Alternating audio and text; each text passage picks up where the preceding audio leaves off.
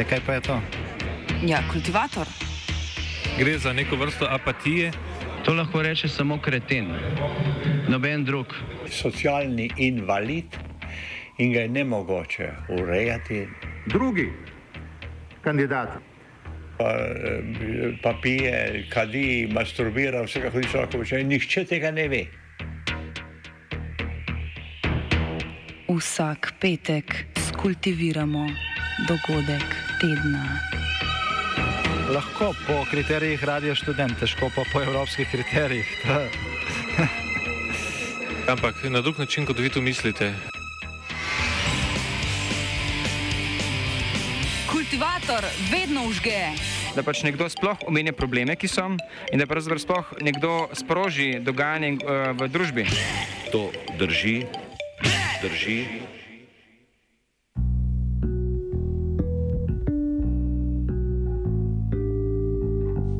Lepo pozdravljeni v današnjem kultivatorju. Torej, beseda bo danes tekla o načrtu zmanjševanja poplavne ogroženosti. V studiu se z mano pogovarja Gal, slišali boste pa tudi kasneje sogovornika Primoža Banovca z Vodno-gospodarskega inštituta na Fakulteti za gradbeništvo in geodezijo. Ta tematika je postala ta teden kar naenkrat zopet aktualna. Um, kaj ti predvsem na severovzhodu države, pa tudi na jugovzhodu, poplavlja, poplavlja, bregove je prestopila recimo Krka, do razlivanja je pa prišlo tudi v porečjih Pesnice in Ščavnice. Mura se je razlivala znotraj protipoplavnih nasipov, zaradi velikih količin padavin, ki so v kratkem času zapadle, so pa probleme delali tudi številni hudourniški vodotoki. Zdaj samo na območju regijskega centra Ptuj je civilna zaščita od nedelje pa do včeraj zabeležila skoraj 500 plazov vse skupaj, upravi za zaščito in reševanje in pa gasilcem je na terenu pri odpravljanju posledic teh omenjenih poplav in plazov na severovzhodu države pomagala celo vojska, sicer so pa pretoki reke začeli nekoliko upadati. Vlada je konec marca sprejela načrt. Tega, ki smo ga že omenjali, zmanjševanja poplavne ogroženosti od leta 2023 pa do 2027. Gre za zelo obsežen dokument, ima namreč kar 469 strani. Gal, pozdravljen. Že ja. Mogoče začneva kar s tem, kakšna reč pravzaprav sploh je ta načrt. Ja, ta načrt se je začel pripravljati že nekaj časa nazaj kot uh, načrt za zmanjševanje poplavne ogroženosti od leta 2022 do 2027, potem je pa uh, država zamudila seveda ta svoj rok. Um, In potem je bilo pač nekako leto 2022 ostalo brez svojega poplavnega načrta. To je namreč drugi dokument, uh, to vrstni. Prvi je bil, um, je ob, ob, nekako govoril o obdobjih uh, od uh, leta 17 do 21. Um, ampak kljub imenu, da je to načrt, to ni dokument, s katerim bi država v resnici planirala neke svoje politike, pač neke svoje protipoplavne ukrepe. Um, to je v bistvu um, bolj nek tak pregled pač tega, nekih različnih politik, um, ki pa so napisane um, z, zaradi, ne zaradi, mislim, neko um, vzvod, mislim, prve, zakaj se je začelo to pisati, je v bistvu to, da pač mora država to uh, poročati v Bruselj. Mm. Um, ta načrt pač naj bi bil dan, zdaj ta v novi obliki je pač približno dvakrat daljši, um, ker opisuje več teh um, območij, um, ki so pač poplavno pač najbolj ogrožena. Um, zdaj, jaz sem se pogovarjal, kad se je omenila s profesorjem Primožom Banovcem iz um, uh, vodo, um, Vodnega gospodarskega inštituta na fakulteti za gradbeništvo geodezijo in kot prav v bistvu lihta. Um, evropska usmeritev je v bistvu tista, ki je pač pripeljala, da država izdaja ta načrt. Načrt zmanjšanja poplavne ogroženosti in je treba govoriti o zmanjšanju poplavne ogroženosti, ne o poplavni varnosti, to stroka govori pač na ta način. Uh, nastane na, in nastaja v vseh evropskih državah na podlagi Evropske poplavne direktive. In zdaj, ker Evropska poplavna direktiva zahteva, da vsakih šest let se pripravi tak državni načrt, ki se potem naslednjih šest let realizira, zdaj smo dobili drugi, drugo popravljeno verzijo prvega načrta, zaradi tega, ker je enostavno ročnost, šestletna ročnost prvega načrta potekla. Iz prvega načrta je bilo relativno malo realizacije, to, je, to je to lahko mirno rečemo, ne? in zaradi tega se je velik del prvega, neizvedeni del prvega načrta enostavno prepisal v drugi načrt. Se pravi, mogli smo to oddati in zato smo to spisali in oddali. Uh, kakšne in pa katere ukrepe za zmanjševanje poplavne ogroženosti, kot se je pravilno izraziti, pa ta načrt sploh opisuje? Pravzaprav? Ja, opredeljeno je um, 86 območje pomembnega vpliva poplav, kot se temu reče. Recimo za primer v Ljubljani, ki smo ne, damo tukaj lahko uh, gamelje, v, kjer je pač uh, manjše vodotok Gameljčica uh, med vode Tacen, uh, se pravi, to je ta uh, tok Save. Uh, pa pa v bistvu za nas, verjetno za Ljubljana, pač najbolj kritična gradaščica, uh -huh. uh, zato je tudi recimo Ljubljana jug, spomni se. Uh, Recimo poplav leta 2014, ki je v bistvu voda poplavila tukaj, pač par ulic stran, uh, celo Rožna dolina. In um, potem pač ta plan predla, daje tudi neki informativni pregled vseh ukrepov, ki jih država pač ima že v bistvu v izvajanju ali pa jih uh mhm. -huh. načrtuje. No? Mislim, tako pomeni, da smo začeli z nekimi uh, dejavnostmi okoli tega, ne? ne pomeni, da se že gradijo. In ta ukrep v bistvu obsega kar 385 ukrepov, ki pa so tako pač nabrani iz vseh vetrov, pa mogoče niso primarno celo včasih. Um, V bistvu protipoplavni ukrepi, recimo je tudi kakšna gradnja, kakšne hidroelektrarne vmes navedena. Načrt v bistvu navaja, da so te ukrepi težki dobro, dobro milijardo uh, evrov. Um, tudi recimo v načrtu za uh, obnovo in, oziroma, ja, obnovo in um, odpornost, ki je pač ta plan tega denarja, ki je prišel po COVID-u iz mhm. Brusla, uh -huh. se to um, protipoplavno zaščito dal zelo visoko. Um, Prioriteto, kot približno 330 milijonov evrov, je pač tukaj zacahnanih, da tako rečemo. Ampak, kot sem rekel že prej, ne, ta, um, ta načrt v bistvu bolj nekako navaja te ukrepe, je nek nabor politik, ki pa se v bistvu urejajo drugje. Ne. Zelo pomembna stvar so recimo urejanje namembnosti zemljišč, ki je spet pač čist neka druge zakoni v bistvu to. Upravljajo. Ni to, da bi ta, zak, ta načrt, čeprav najbrž bi bilo dobro, ampak ta načrt v resnici ne um, usmerja pač teh politik države. Um, država, Slovenija je bila pač še, mogoče še par let nazaj pač predvsej um, neaktivna na, področju, um, na tem področju. Uh, recimo do leta 2017, ko je pač prišel ven prvi uh, ta načrt, je prijela že dva uh, uradna upomina Evropske komisije zaradi nespoštovanja zakonodaje. Um, recimo, kar uh, tudi ta prvi načrt je uh, zamujal. Uh, leto pa pol. Um, in um, v bistvu gre za nek dokument, pač, ja, ki, ki, ki se pa pripravlja pač v bistvu glede na, te, na to popravljeno direktivo, ki pa je že 27 in je tudi nekako iz dokumenta se nekako vidi, da je pač nekaj misel na to, da bo ta dokument enkrat prišel v Bruselj, uh -huh. pač, uh, kar opazno. No. Dobro, kakšni pa so potem ukrepi, ki pa so zapisani noter za tako zvano zmanjševanje poplavne ogroženosti. Um, ja. Je tudi nekaj vsebinskega dejansko? Ja, ja, mislim, da pač dokument našteva pač uh mhm. -huh. približno 20 uh, nekih uh, različnih uh, ukrepov. Uh, najpomembnejši verjetno je pač načrtovanje in gradnja protipoplavnih ukrepov, tudi izpostavitev nekih uh, razlivnih površin, pa monitoring um, teh um, rek, prilagod, tudi prilagoditev uh, rabe zemljišča, neko ukrepa, ne, pa napovedovanje poplav. Ne, recimo, uh, to je pač neko področje napovedovanja poplav, nekaj, kar se je pač precej izboljšalo. Zato, ker recimo, če se spomnimo poplav železnikih leta 2007, je pač neka stvar bila to, ker se je bila zelo um, presenetila, uh mhm. -huh. pač, uh, v bistvu tudi civilno zaščito. Danes, recimo, mislim, ta teden so bile poplave dosti dobro napovedane. Tudi, um, Arso oziroma pač meteorološka služba je pač predvsej investirala takrat v, v izboljšanje uh, tega napovedovanja. Ja.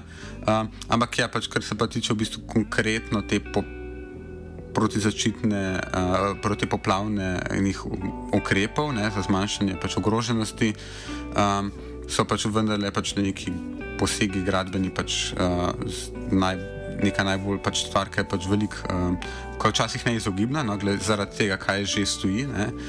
Um, in iz vidika teh visokih vod, kaj enkrat prideš do poplav, ne pa smo soočeni, recimo, kot tukaj pri nas na Viču, situacija, da je pač vse pozidano imamo pač možnost, ali da vodo zadržimo nekje prej, ali pa jo pač nekako speljemo stran, tako da ne poplavi območij, kjer jih pač hočemo obrovati. In um, več, kako pač to se zgodi, bo spet povedal uh, profesor Banovec. Z poplavno okroženost imamo načeloma samo velike tri skupine ukrepov. Ena stvar je zadrževanje voda tam, kjer jo lahko zadržujemo, pravi tam, kjer lahko s tem zadrževanjem povzročimo čim manjše negativne posledice. Žal je ta škodni potencial za vidika posledic eh, nastanejo v poplavah na kmetijskih zemljiščih vendarle eden najnižjih, seveda pa bistveno nižji kot v urbanih območjih, tam industrializiranih območjih, tam, kjer ljudje živijo, tam so pa poplavne škode ogromne. Zato se pogosto usmerja razlivanje tako pri nas, kot tudi v tujini na kmetijska področja. Drugo, seveda je, da gradimo kakšne razbremenilnike, to pravi, da vodo po dodatnih kanalih odpeljemo mimo območij, kjer ta voda, poplavna voda, koga ogroža. Tretje območje, tretji način je pa, da gradimo nasipe, obramne zidove, da preprečimo vdor. To sem dal na tretje mesto, zaradi tega, ker to, temu se skušamo izogibati. V vsakem primeru, zaradi tega, ker seveda s tem običajno lahko povzročimo povečano poplavljanje dol vodo, ker se voda pač, ta vodna količina se nekje mora raz, razliti. V samem načrtu je pa seveda še nekaj več, tudi ne gradbenih ukrepov, da sem naštel predvsem gradbene. Seveda med te pa spada tudi pravočasno alarmiranje. V Sloveniji imamo enega boljših procesov alarmiranja, obveščanja, najavljanja. Tudi v tem zadnjem poplavnem dogodku smo lahko videli, da je bila ta obvestilo o tem, da bojo nastopil ta dogodek zelo pravočasno, da so se lahko tako prebivalci kot tudi različne sile pripravljali. Gal, kot si že omenil, to, kar je opisal zdaj bolj teoretično, mogoče profesor Banovec, smo pa od blizu lahko opazovali tudi v Ljubljani. Ja, se pravi, to so bile pač te poplave leta 2014. Uh, ki je polviča zavlila. Ne? Um, no, mogoče se kdo spomni, no? pač, kaj se je dal um, z vodnimi smočkami jedeti tukaj lepo. Uh, kaj je ta? Mislim, da je šest, ulica v Rožni dolini šest. Um, ja, in pač pa se je začel od, od takrat, to je pač nekako velika, da se je tako zgodilo, po bistvu poplave, šele pač sprožil neko akcijo uh, na strani države. Ne? In če je kdo dan letos šel um, na pot um, PST, uh, uh, zdaj le, kaj je bilo maja, pohodne, smo lahko, lahko opazili, da je tale um, pot ob žici tam le pri Murglah, pač uh mhm. -huh. čist spremenjena, pač, po, pač kaj vidimo tam le gradačica, je mnogo razširjena um, struga.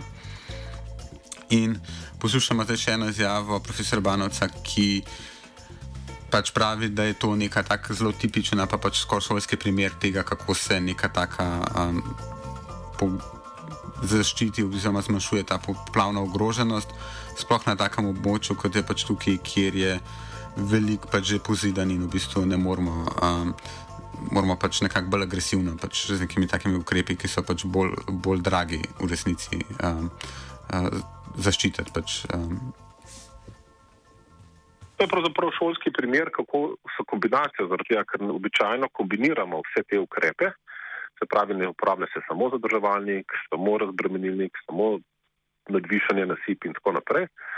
Ampak ravno primer gradaščice je en tak primer, da se je iskalo nek skupni imenovalec, najmanjši možni poseg, s tem, da se širi gradaščica, gradi se dodatni razbremenilnik, eh, ponekod se gradijo zaščitni zidovi da bi pa lahko celo, bi rekel, Ljubljano zaščitili pred, pa največje urbanizirano območje zaščitili pred škodljivim delovanjem, pa bo v končni fazi treba še suhi zadrževalnik razvor izgraditi. In z kombinacijo vseh teh treh ukrepov bomo še lahko dosegli neko ciljno stanje, se pravi varnost pred povratno dobo stoletja. Eno reč, ki pa jo vsi vodari vemo, je, da treba počakati verjetno tri leta, mogoče pet let. Ne? In ta vodotok bo dajal čist drugačno sliko. To je tako, kot gledamo zdaj neposredno po izvedenih gradbenih delih. Tukaj se bo zarasla vegetacija, spet ciljna vegetacija, vzdrževan bo ta od, do, odsek vodotoka, še zmeri, da bo omogočil ciljno pretočno sposobnost. Ampak um, ne smemo soditi samega ukrepa po tem, kar vidimo zdaj, ko se izvajajo dejansko najbolj brutalne faze, zaradi katerega se tudi različni umilitveni ukrepi izvajajo hkrati s tem.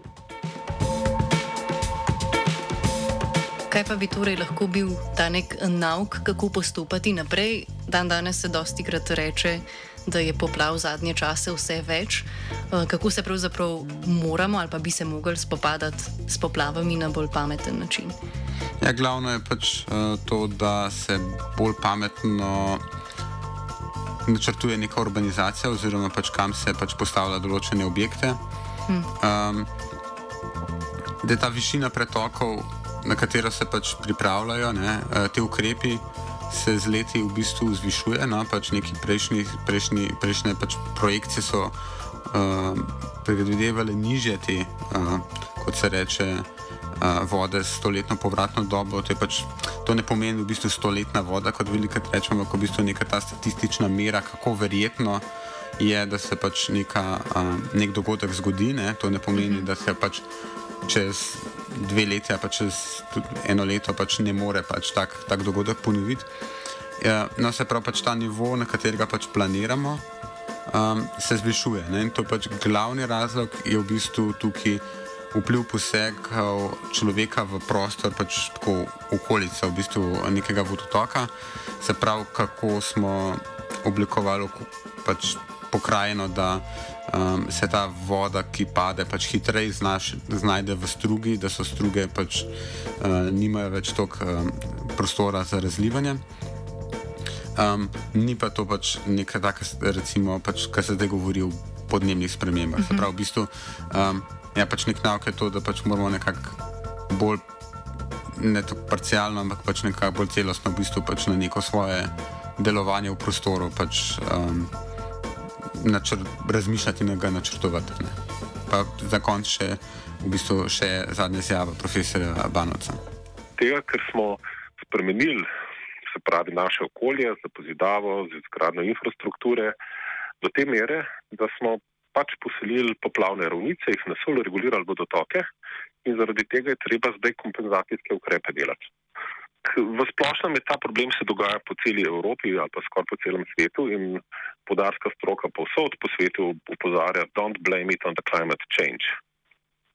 Ne, ker hočejo potem vsi skriti odgovornost za svoje napake, za napake svojih prednikov tudi, enostavno na to, da veste, zdaj pa so podnebne spremembe tukaj in imamo fantastično upravičilo. Kultivirala so gal in šua, tehniciral je bugi.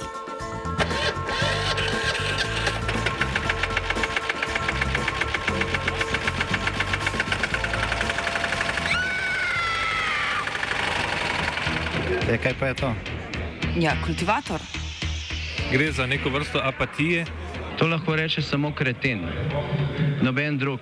Socialni invalid in ga je ne mogoče urejati. Drugi kandidat.